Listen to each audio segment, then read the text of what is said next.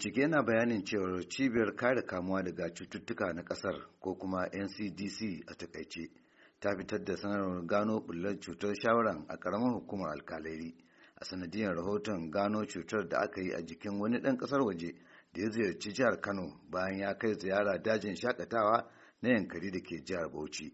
Dr. Rilwan Muhammad shine shugaban hukumar ayyukan lafiya a matakin farko a Bauchi. Ya yi bayanin yadda cutar shawarar ta fara a jihar Bauchin da kuma matakan da aka ɗauka domin shawo kan matsalar a jihar. Wato sakamakon da muka samu a game da wanda aka ɗauka na Bauchi mu muna magana akan na jihar ne. Su can sun yi maganar nasu mu wanda ya je can ya riga ta can. Amma dai sun zo nan a cikin wanda ya je can guda ɗaya a ƙasar Kano wanda ya rasu yaro nan da aka samu aka daga jin shi an tabbatar da shi. Tan na ciwon shawara.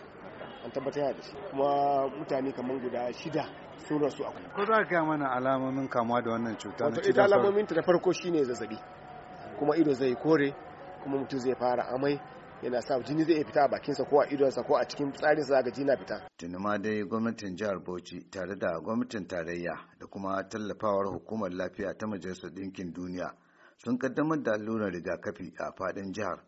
Da kuma yin feshi ta jirgin sama domin kashe sauro a wuraren da suke. Gwamnan Bauchi, Sanata Bala Abdulkadir Muhammad Kauran Bauchi ya yi ƙarin haske kan batun rigakafin cizon sauron. To mu zo nan ne saboda a gaskiya mai godiya wa Allah subhanahu wa ta'ala kuma mai godiya wa al'umman jihar Bauchi musamman ma da gwamnatin tarayya gefen kiwon lafiya wanda suka kawo da haɗin kan jihar Bauchi wannan kyakkyawan ƙuduri na ganin cewa an kawo maslaha ga irin taɓarɓarewan abubuwa da muka samu na kiwon lafiya musamman a wannan cuta na shawara wato yellow fever kuma Allah ya gafarta ma wanda suka rasa rayukansu.